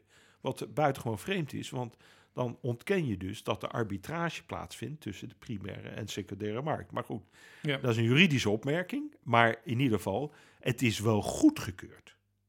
Het is dus legitiem bevonden door het Europese Hof van Justitie. Ja. Dus het mag gebruikt worden. We komen straks nog terug op eh, Jens Weidmann en dat hij dit nieuwe systeem, dat dus door het Hof is goedgekeurd, eh, wel acceptabel vindt. Ja. En wat dat misschien betekent dat hij dat vindt. Eh, nog even een ander punt, want u zei al een paar keer, ja, de Europese Centrale Bank die kijkt vooral naar de inflatie. Nou zegt Hans Hogevorst, de oud-minister van Financiën, deze week in economische statistische berichten. Eigenlijk is dat eh, steeds maar kijken naar die inflatie. Dat wordt een beetje overdreven hoe belangrijk dat is. Mhm. Hij zegt een klein beetje deflatie. Dus dat de, de prijzen, of dat, de, dat de prijs van goederen eh, lager wordt. Dat kan eigenlijk ook niet zoveel kwaad. Want er werd altijd gezegd: stel je wil een stereo-installatie kopen. eh, Mhm. Die wordt wat goedkoper. Ik wacht nog even wat langer, want dan wordt hij nog goedkoper. Mhm. Dat dat mensen eigenlijk niet weerhoudt om nu al zo'n ding te kopen. Dat is waar. Kijk, de ECB heeft als doelstelling prijsstabiliteit. Prijsstabiliteit mag de ECB zelf invullen. Dat is het mandaat. Dat noemen wij goal independence. Doelstellingsonafhankelijkheid. Het is de enige centrale bank in de wereld die dat heeft. De Bank of England, de Federal Reserve, hebben instrument independence. Die mogen zelf het monetair beleid voeren. Maar in wezen wordt de doelstelling, bijvoorbeeld voor de Bank of England, vastgelegd door de Engelse minister, de Britse minister van Financiën. Dus het is aan de ECB op een zeker te beslissen, wat is prijsstabiliteit? Dat hebben ze ooit gedefinieerd voor de crisis. Dat was door de chief economist Otmar Issing en de toenmalige president Duisenberg als close tot below 2%. Nou, dicht bij 2%. Ik heb Otmar Issing wel eens gevraagd, wat bedoel je daar nou mee? Ook in een uh, panelsessie, uh, openbare sessie. En toen zei hij ja, 1,7, 1,8%. Dat was voor de crisis. Nu worden we geconfronteerd met twee fenomenen. Structureel lage inflatie, maar ook structureel lage rentes in de wereld. Daar zijn wel allerlei theorieën over, bijvoorbeeld door Larry Summers, secular stagnation. Die zegt dat, dat ligt en, uh, aan een aantal globale factoren. Maar dat betekent dus dat je heel goed moet nagaan. En dat was ook waar ik met Lex Hoogtuin op een zeker moment voor pleitte. Ook in ECB, maar ook in Intereconomics. Dat er behoefte is aan een evaluatie van de monetaire beleidsstrategie. Dus na de crisis 2009 is er tien jaar lang geen evaluatie geweest van de monetaire beleidsstrategie. Dat is natuurlijk aan de nieuwe president van de ECB om dat vorm te geven. Maar dat is vreemd, omdat gemiddeld genomen uh, centrale banken dat elke vijf jaar doen. De Bank of Canada moet dat zelfs elke vijf jaar doen. Dus je zou eigenlijk kunnen zeggen dat Draghi het hier heeft laten afweten. Ja, en ik denk ook dat ik de reden weet, omdat men natuurlijk zo in de crisis zat, om maar zo te zeggen. Praten over 2012 en direct daarop dat men op dat moment geen behoefte had aan de evaluatie van de monetaire beleidsstrategie. Omdat de situatie zo afwijkend was van de normale situatie. Exact. Maar nu zitten we eigenlijk, ja, moet ik zeggen, ik wil niet zeggen in, uh, in de normalisatiefase uh, van het monetair beleid. En dan moet je je afvragen, één, is het verstandig om te continueren met dat opkoopbeleid van uh, obligaties, onconditioneel? Dan is mijn antwoord nee. Dat was in 2012 en daarna kort erop gerechtvaardigd om de eurozone te redden. Maar dat heeft veel te lang geduurd, want het, het heeft eigenlijk tot heden ten dagen voortgeduurd. En men wil eigenlijk nog even dat zo aanhouden. Ja, want er wordt gezegd, we hebben al in de eurozone zeven jaar aanhoudende groei. Ja. Er zijn wat signalen in de wereldeconomie dat het kan afvlakken. Ja. Dus laten we inderdaad maar even doorgaan zo. Exact. Nou, en dat is denk ik onverstandig, want hoe laag kan je gaan? Kijk, uh, wij hebben de, wat wij noemen de zero bound. Hè? Dat is gewoon de nulrente. Ja, nominaal kan je natuurlijk wel onder die nulrente, maar je hebt één groot probleem. Op het moment dat je dus negatieve nominale rentes krijgt, we hadden al heel lang negatieve reële rentes, dus dat hebben we sinds de crisis, al tien jaar, hebben we negatieve reële rentes. Maar als je negatieve nominale rentes krijgt, dan krijg je een verstoring van het financieel systeem. Ja, sterker nog, want als ik even een volgende stap mag zetten. We hebben in Nederland natuurlijk een enorme discussie de afgelopen tijd gehad over pensioenen. Ja. Er is nu een pensioenakkoord, maar er moet nog van alles worden ingevuld. En uh, die hele lage rente en zelfs de dreiging dat het misschien nog iets lager gaat, is heel slecht voor de Nederlandse pensioenen. Ja. Uh, want er is afgesproken dat de dekkingsgraad, die hoeft niet meer uh, boven de 100% te zijn, maar die Ja. moet, moet wel aan die 100% voldoen. En als die rente laag blijft, dan Ja. komt voor een aantal fondsen die 100% in gevaar. Klopt, maar de journalisten die dat allemaal op hebben geschreven, naar aanleiding van eh, de belangrijke speech van eh, Mario Draghi eh, op, op Sintra, op het ECB-forum, die hebben één interpretatiefout gemaakt. Kijk, als Draghi dat zegt, dan heeft hij dat natuurlijk over de korte rente. En wellicht over de langere rente, dus de, de, de, de tienjaarsrente wellicht, omdat dat opkoopbeleid beïnvloedt natuurlijk, dat drukt de lange rente. Maar het gaat niet over de extreem lange rente. De ultimate forward rate, dat is een, geen markt. Dat en is dat is meer de rente waar de pensioenfondsen naar Exact, kijken. dan praat je niet over tien jaar, dan praat je over decennia. Dus wat is nou de goede rente die je vast moet prikken voor het disconteren van de toekomstige verplichtingen van pensioenfonds? Ja, maar u zegt dus eigenlijk, eh, als het over de pensioenen gaat, hoef je nu niet zoveel zorgen te maken. Tenminste, je moet je wel zorgen maken, maar dat moesten we toch al. Dat moesten we toch al. Alleen de discussie om dat te koppelen aan de uitspraak van Mario Draghi wat betreft de verlaging of het laag houden, zo zou ik het meer willen zeggen, van de korte en misschien ook de lange rente, dan praten we over de 10 rente, is, heeft wel invloed op die hele lange rente, dus 20, 30 jaar, de ultimate forward rate.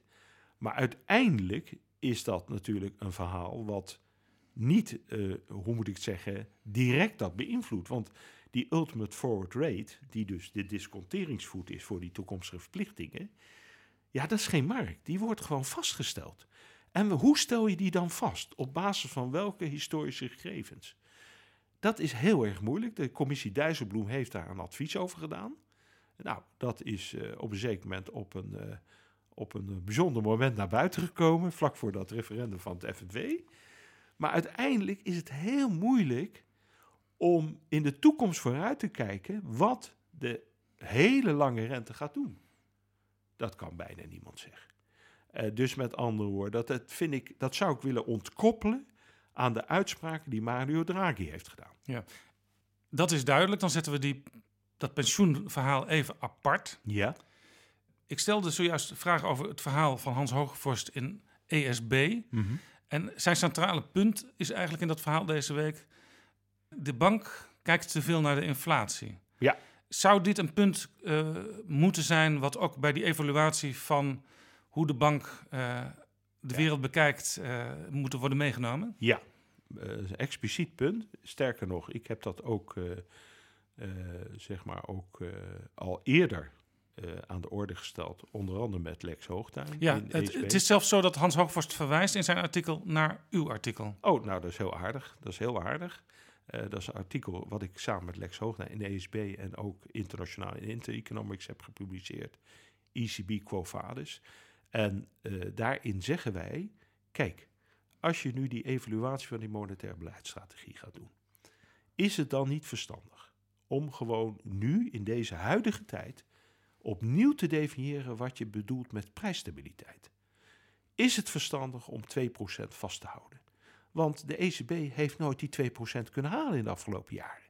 Dus als je zegt, nou de ECB is een inflation targeter, nou dan wel hele slechte. Want ze hebben het nooit gehaald. De inflatie heeft, is blijven steken op 1, 1,5 procent.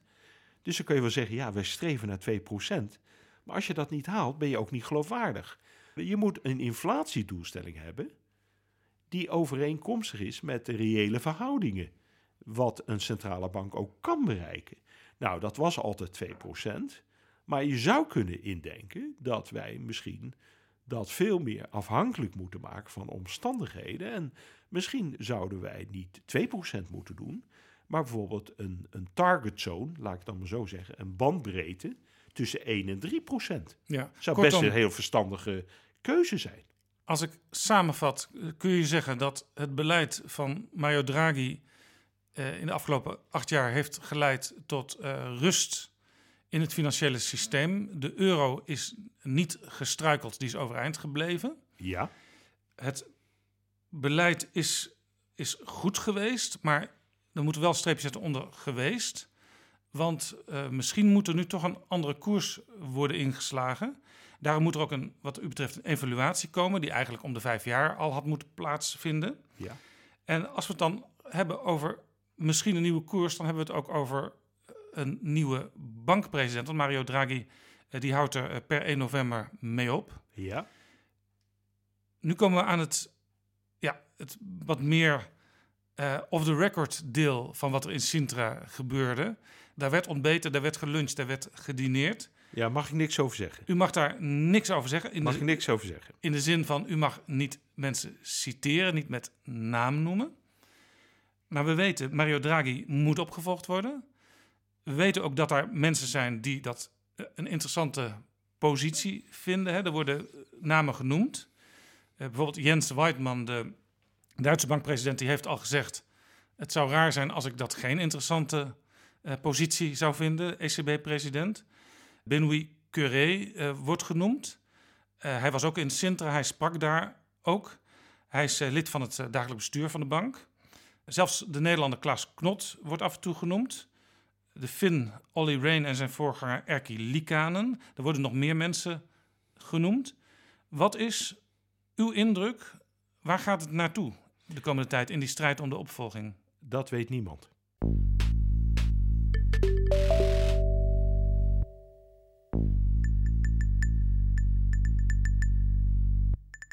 Dit is Betrouwbare Bronnen met Jaap Jansen. En ik praat met Sylvester Eifinger, hoogleraar financiële economie aan Tilburg University, over de vraag wie volgt op 1 november 2019 Mario Draghi op als president van de Europese Centrale Bank. Dat weet niemand.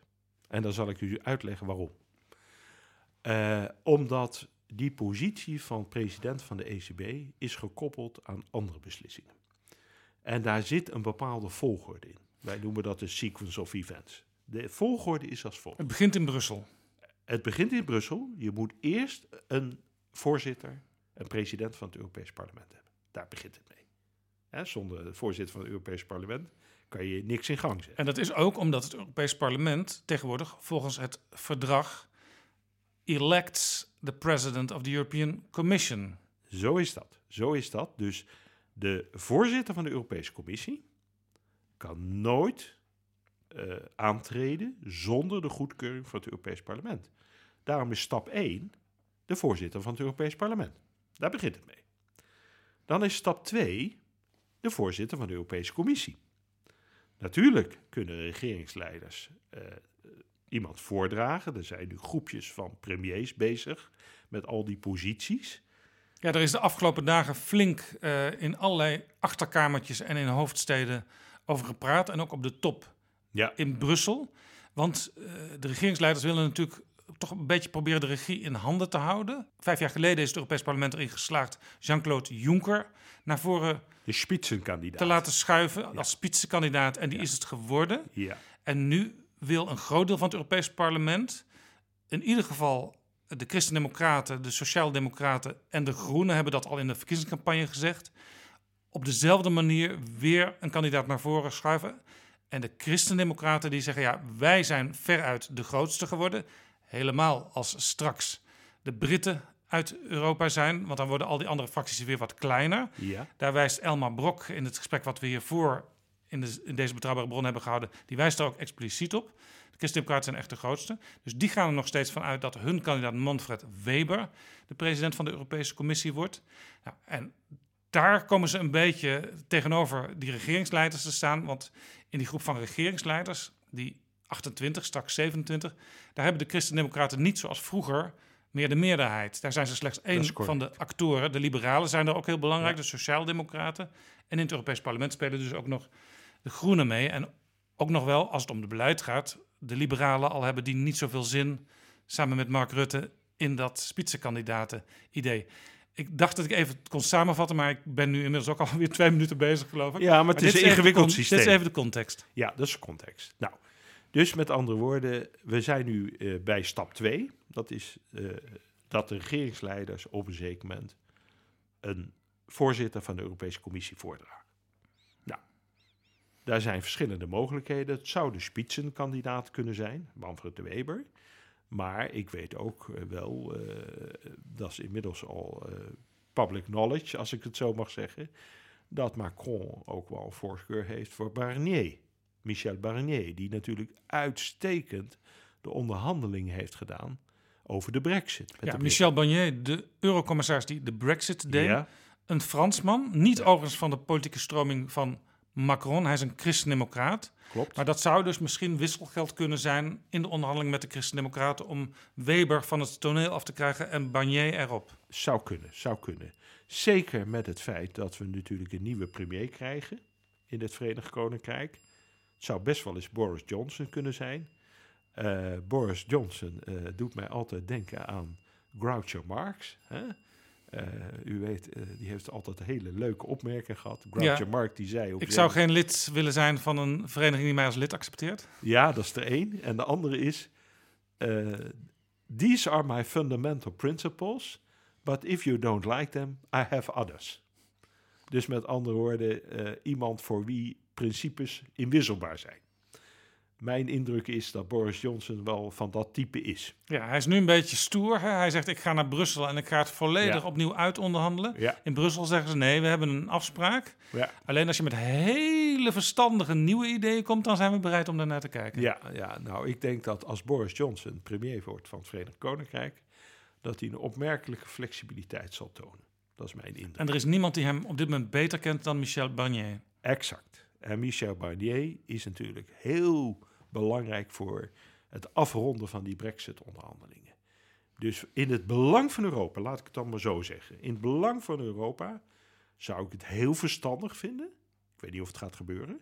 Zou ik het heel verstandig vinden dat Michel Barnier de volgende Ja. commissievoorzitter wordt. Overigens, tussen haakjes, een hoge Britse eh, official heeft tegen mij gezegd...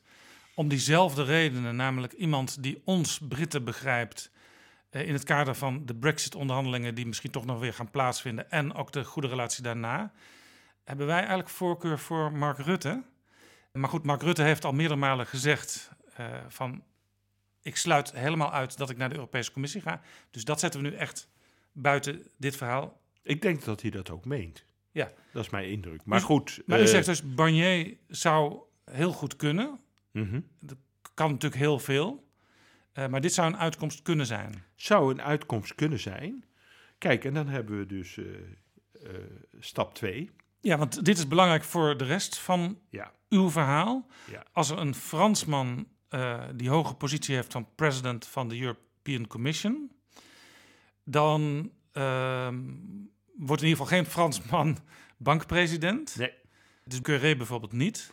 Dat is nog een probleem. Benoit Curé, die Benoit. buitengewoon kundig is trouwens. Hele goede eh, lid van, het, eh, van de executive board, van het dagelijk bestuur. Er is gewoon een regel dat je niet herbenoemd kan worden. Dat staat gewoon in de statuten van de ECB en het verdrag van Maastricht. Dus de kans dat men juridisch daar een oplossing voor vindt, is, acht ik minimaal. Acht ik minimaal. Hoewel het een uitstekende eh, opvolger zou zijn, eh, denk ik dat het gewoon juridisch niet kan. Ja.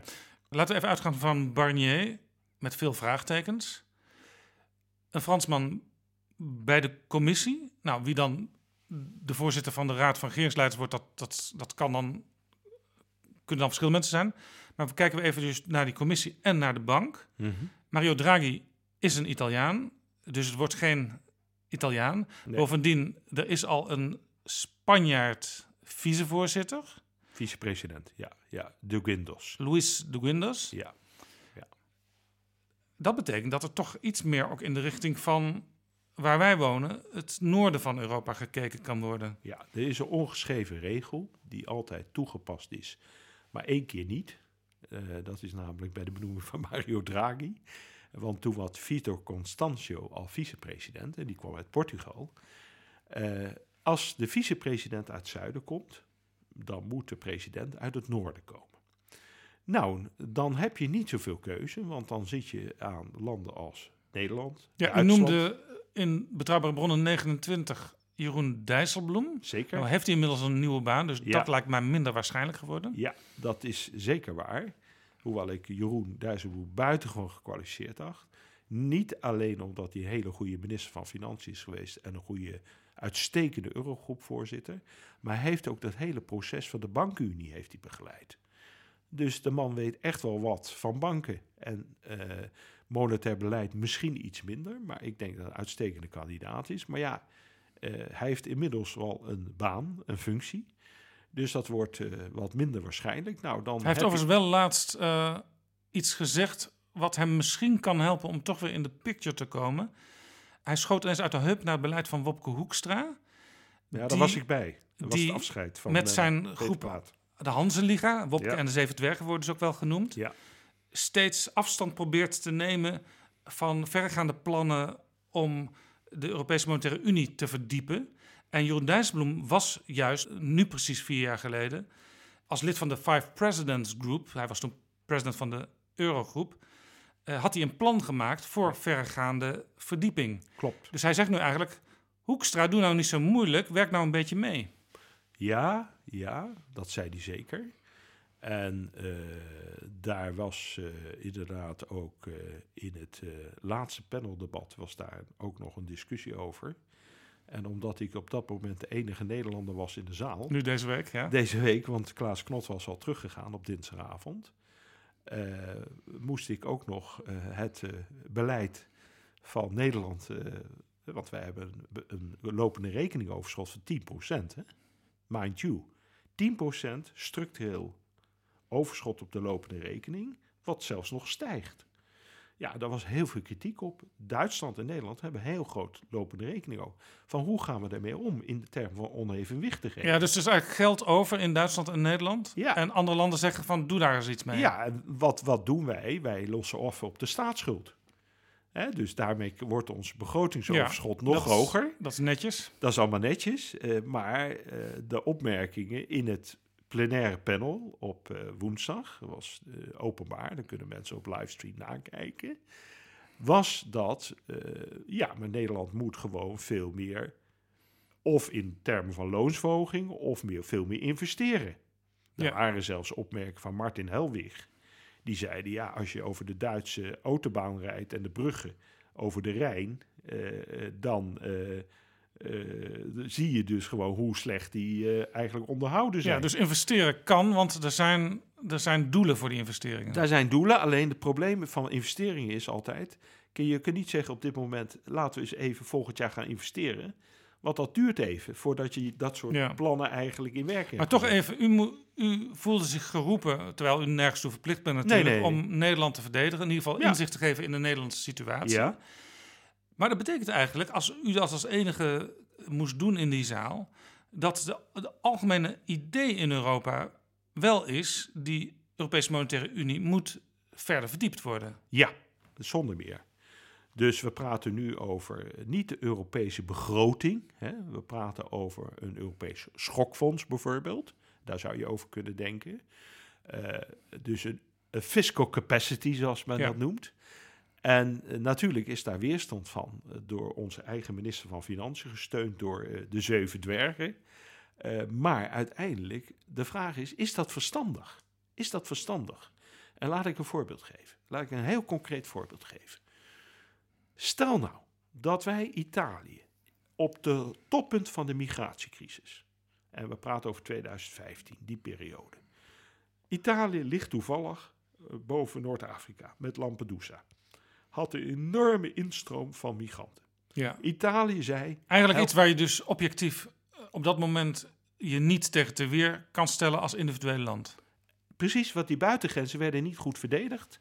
We hadden te weinig eh, eh, bootjes om al die migrantenbootjes zeg maar tegen te houden. Er waren, was onvoldoende opvangcapaciteit. Alles kwam via Lampedusa, eigenlijk het Italiaanse vasteland binnen. En de Italianen zeiden, waarom helpen jullie ons niet? Dit is nou typisch een voorbeeld van wat economen noemen idiosyncratische schok. Zal ik even toelichten, dat is een landspecifieke schok. Dat is een schok waar je als land niet zoveel aan kan doen, wat te maken heeft met bijvoorbeeld je geografische ligging. Dus daar zou je een geobjectiveerde norm voor kunnen bedenken. En om tijdelijk, om tijdelijk uit zo'n Europees schokfonds te helpen. Dat wil niet zeggen dat Italië of de hoek is voor de structurele hervormingen. Dat is een ander chapiter. Ja. De structurele hervormingen in Italië moeten doorgaan. Maar je had kunnen zeggen, luister eens, jullie hebben nu dit probleem. Wij Euro- Europa moeten jullie helpen, want jullie hebben echt een probleem. Dat kunnen we doen vanuit zo'n Europees schokfonds. Ja. En dat had wellicht, maar ik kan het niet bewijzen, de kans op een populistische regering à la Salvini kunnen verminderen. Ik kan het niet Ja, bewijzen. dat is heel, heel interessant. Eh, dus het is in meerdere opzichten in het belang van heel Europa om zo'n schokfonds te hebben. Nou is er min of meer afgesproken dat er zo'n schokfonds komt al mag het niet zo genoemd worden. En er zit ook eigenlijk nog geen geld in, 2,5 miljard. Nou, Ja. dat is ongeveer niks. Eh, en dat is ook precies het verschil tussen het ene deel van Europa en aan de andere kant eh, Wopke en de Zeven Dwergen. Ja. Ze halen er allebei hun gelijk uit. Ja. Want eh, Hoekstra zegt, ja, het, het is een vogeltje in een kooitje met een slot erop. Ja, ja, dat is. Maar uiteindelijk, eh, het begint altijd klein. Dat hebben we bij het ESM, het Europese Stabiliteitsmechanisme, gezien. Het begint altijd klein. Eh ESM is eigenlijk ontstaan. Ja. En eigenlijk zegt u dus, Hoekstra, geef nou toe, het is Nou, niet zo slecht als het er komt. Nee, maar ik ben wel eens met Hoekstra. Zoals hij in zijn Humboldt-lezing heeft uitgedrukt. Daar had hij het over recht en plichten. Ik vind Ja, dat, was het- inderdaad in, in Berlijn aan de Humboldt Universiteit. eh, had hij een opmerkelijk pro-Europese eh, 7 mei. lezing. Ja. Zoals ook Mark Rutte een aantal keer een opmerkelijk pro-Europese lezing heeft gehouden. Maar wel heel kenmerkend, en daar herkenden veel Europeanen ook Nederland weer in. Ja. Het eh, verhaal van de plichten was er heel scherp aangekoppeld. Rechten Ja. en plichten. Ja, dus met andere woorden, eh, als wij een Europees schokfonds gaan introduceren, wat zeg maar een uitbouw van het ESM kan zijn, hè, het zou wellicht een Europees monetair fonds kunnen worden, dat zou kunnen, dan moet je natuurlijk daar ook conditionaliteit aan verbinden. Maar dat gebeurt bij het IMF ook. IMF handelt niet anders dan met conditionaliteit. Dus als landen geholpen worden en ze zitten in de problemen, neem nou Italië met die migratiecrisis, dan kan je zeggen van luister eens, we gaan jullie helpen, tijdelijk, maar we verbinden er wel voorwaarden aan. Als je op een zeker moment wat langdurige hulp krijgt, dan zul je structurele hervormingen moeten doorvoeren. Dus met andere woorden, ik ben een groot voorstander van een Europees schokfonds, maar wel met de conditionaliteit zoals het IMF dat ook altijd heeft toegepast. En dan kom je eigenlijk in precies die balans van rechten en plichten, die onze minister van Financiën, Wopke Hoekstra, ook echt wil. En dat zou een oplossing zijn voor dit probleem. Want we moeten dit probleem oplossen. Tot zover Wopke Hoekstra en Jeroen Dijsselbloem en het Schokfonds. We hadden het erover. Een zuiderling als nieuwe ECB-president ligt niet voor de hand. Iemand uit Frankrijk eigenlijk ook niet. Nou, dan komen we nog hoger in Europa terecht. Ja, ja, dan kom je toch in de noordelijke landen. En er zijn er, ja, objectief gesproken, eigenlijk niet zoveel kandidaten meer over. Jens Wijtman is vaak genoemd als president van de Bundesbank. Ja. Zou uitstekende ECB-president zijn. die altijd een kritisch lid is geweest van eh, het bestuur van de centrale bank. Zeker, zeker, zeker. Ehm, hij is wat flexibeler geworden. Ja, dat bleek al uit wat we eerder in dit gesprek eh, hadden. Dat OMT, die Conditionele, Oh ja. eh, zeg maar, opkoopprogramma van staatsobligaties. Ja, daar is hij dus soepeler in geworden. Dat, Dat zou is- een teken kunnen zijn dat hij laat zien aan anderen in Europa van met mij valt te praten. Ja, ja, dat is één. Eh, twee, onze eigen Klaas Knot. Zou natuurlijk ook heel geschikt zijn. Eh, zou ook, denk ik, eh, zeker een goede Hij ECB-president heeft wel ook onlangs een bijbaan gekregen die uiteindelijk weer leidt tot een hele belangrijke baan. Ja, hij is voorzitter, vicevoorzitter geworden van de Financial Stability Board. Eh, en eh, dat betekent dat, eh, dat je ook op termijn voorzitter daarvan wordt als je vicevoorzitter bent. Dat is meer toezicht, hè? dat is meer het prudentieel toezicht. Ja. Maar het is wel een belangrijke Ja. baan. En Klaas Knot zou natuurlijk ook- in beeld kunnen komen als iemand als Rutte of Timmermans niet naar de Europese Commissie gaat. Zeker, zeker. Hij is zeer gekwalificeerd. Ik denk dat hij ook, zeg maar ook de goede balans heeft. En dan hebben we nog eh, een derde kandidaat, dat is eh Olli Rehn, die op dit moment eh, president is, centrale bankpresident in Finland. Commissaris, eurocommissaris geweest. Respectabele loopbaan. Eh, alleen, ja, de vraag is inderdaad op een zeker moment, is daar genoeg steun voor? Ja, het is natuurlijk ook zo, in Europa hoor je altijd de Duitsers die hoeven niet altijd per se in het zicht een topbaan, Ja. maar die zijn natuurlijk wel heel erg invloedrijk. En het zou wel eens kunnen zijn dat zij zeggen, ja, stel Barnier wordt president van de Europese Commissie, dan willen wij Whiteman kandideren voor de bank. Zou best kunnen. Zou best kunnen.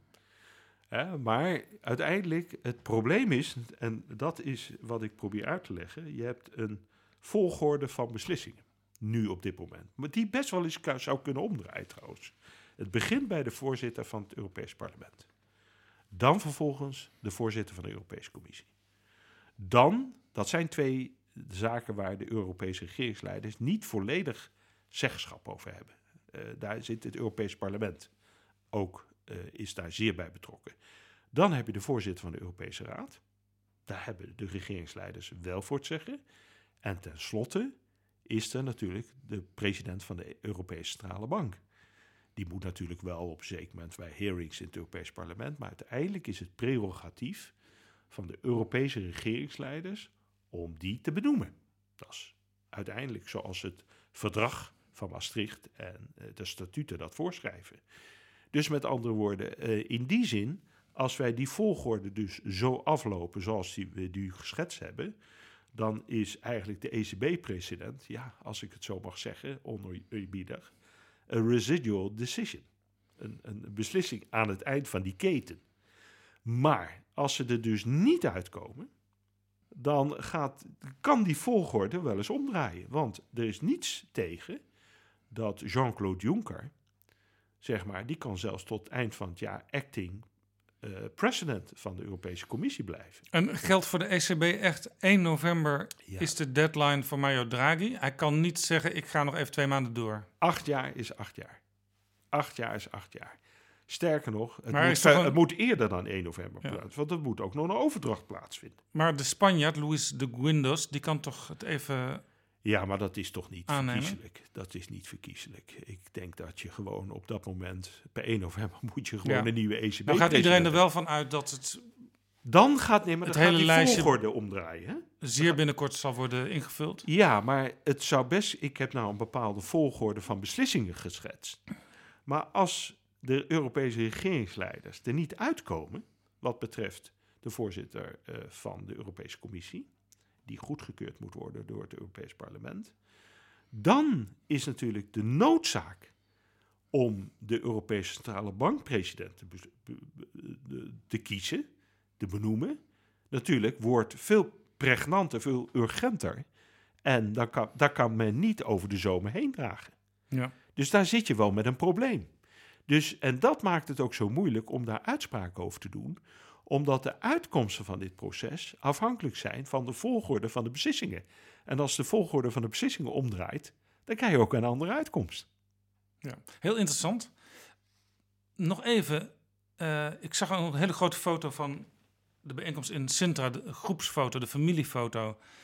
Toch nog wel heel erg een old boys network, hè? relatief weinig vrouwen. Nou, dat is niet, valt mee hoor. Waar veel- is Christine Lagarde gebleven in het hele Ja. verhaal? Want die werd ook wel eens genoemd als mogelijke ECB-president. Ja, maar dat zou dus... Ze is vrouw, dus een voordeel. Ze is ze- zeer competent. Ja, nu de baas van het eh, International Monetary Fund. Ja, managing director van het IMF. Dus zeer competent. Alleen het probleem is natuurlijk dat we natuurlijk in het verleden al een Fransman hadden. Dat was Jean-Claude Trichet. maar nog nooit een vrouw. Nog nooit een vrouw. Dus dat zou eventueel nog een mogelijke optie kunnen zijn. Eh, maar ik denk echt dat dat een, eh, ja, ik zie dat meer als een noodoplossing. Als ze er echt niet uitkomen, als ze er echt niet uitkomen, zou dat kunnen gebeuren. Maar ja, gewoon gegeven het feit dat natuurlijk de Fransen al Jean-Claude Trichet als tweede ECB-president Ja. hebben gehad, is die kans eh, eh, ja, kleiner. En dat geldt natuurlijk. Nederland heeft natuurlijk de eerste ECB-president. Ja, met maar het zou wel weer, zeg maar, zoals u redeneert, als Barnier, een Fransman, de Europese Commissie gaat leiden, dan bijvoorbeeld een Duitser, Jens Weidmann, de bank.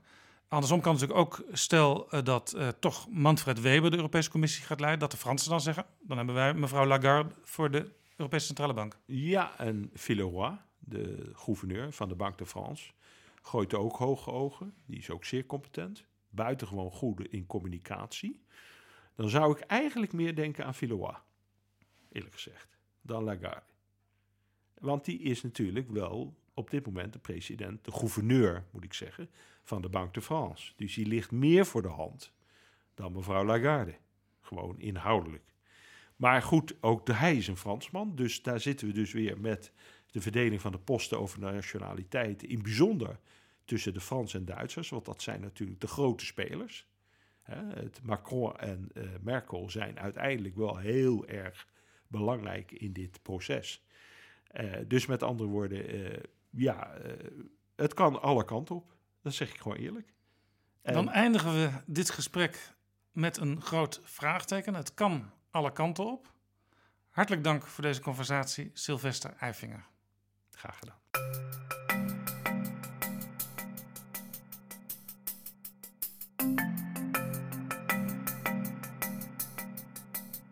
Zo, dit was Betrouwbare Bronnen aflevering 42.